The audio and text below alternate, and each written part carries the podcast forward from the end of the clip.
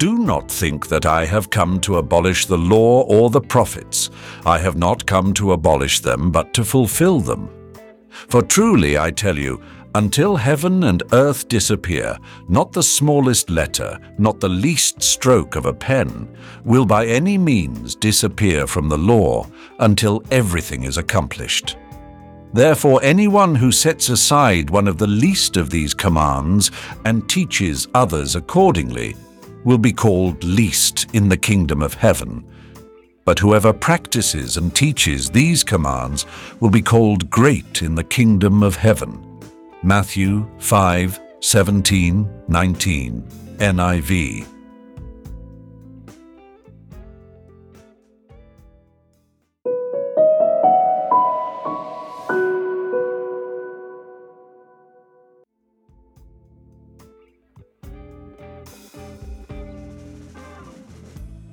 In the office, government agency, factory, or school, I encounter at least two attitudes on my journey.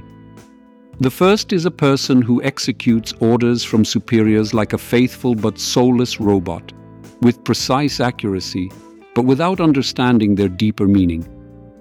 The second example is a person who, though less meticulous in perfecting every detail, understands the purpose of the tasks, working with commitment and comprehension. In this context, let's consider the words of Christ from the Gospel of Matthew, where he states that he came not to destroy the law, but to fulfill it in spirit, not just in letter. Imagine the law not just as a set of rules for blind imitation, but as a signpost leading to a deeper understanding of God's plan. Christ, as the ultimate teacher, didn't limit himself to literally quoting regulations. He interpreted them, embodied them in life, showing that the true meaning of the law is much deeper.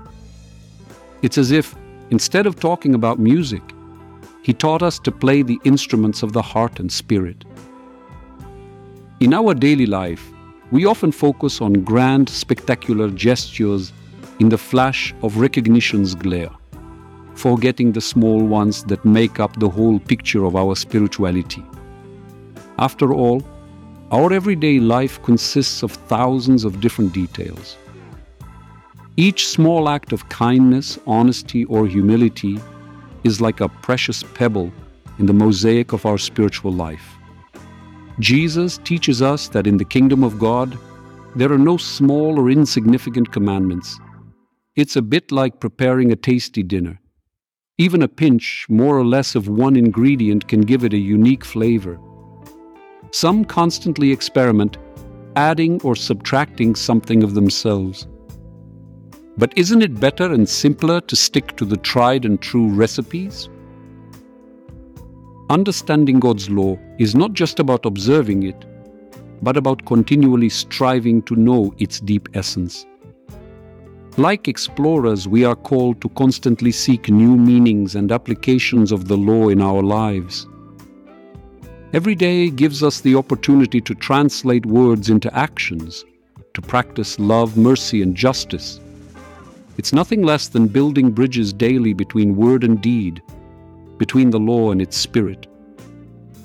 Christ did not come to reduce the law to cold writings on paper. He came to write it in our hearts and minds.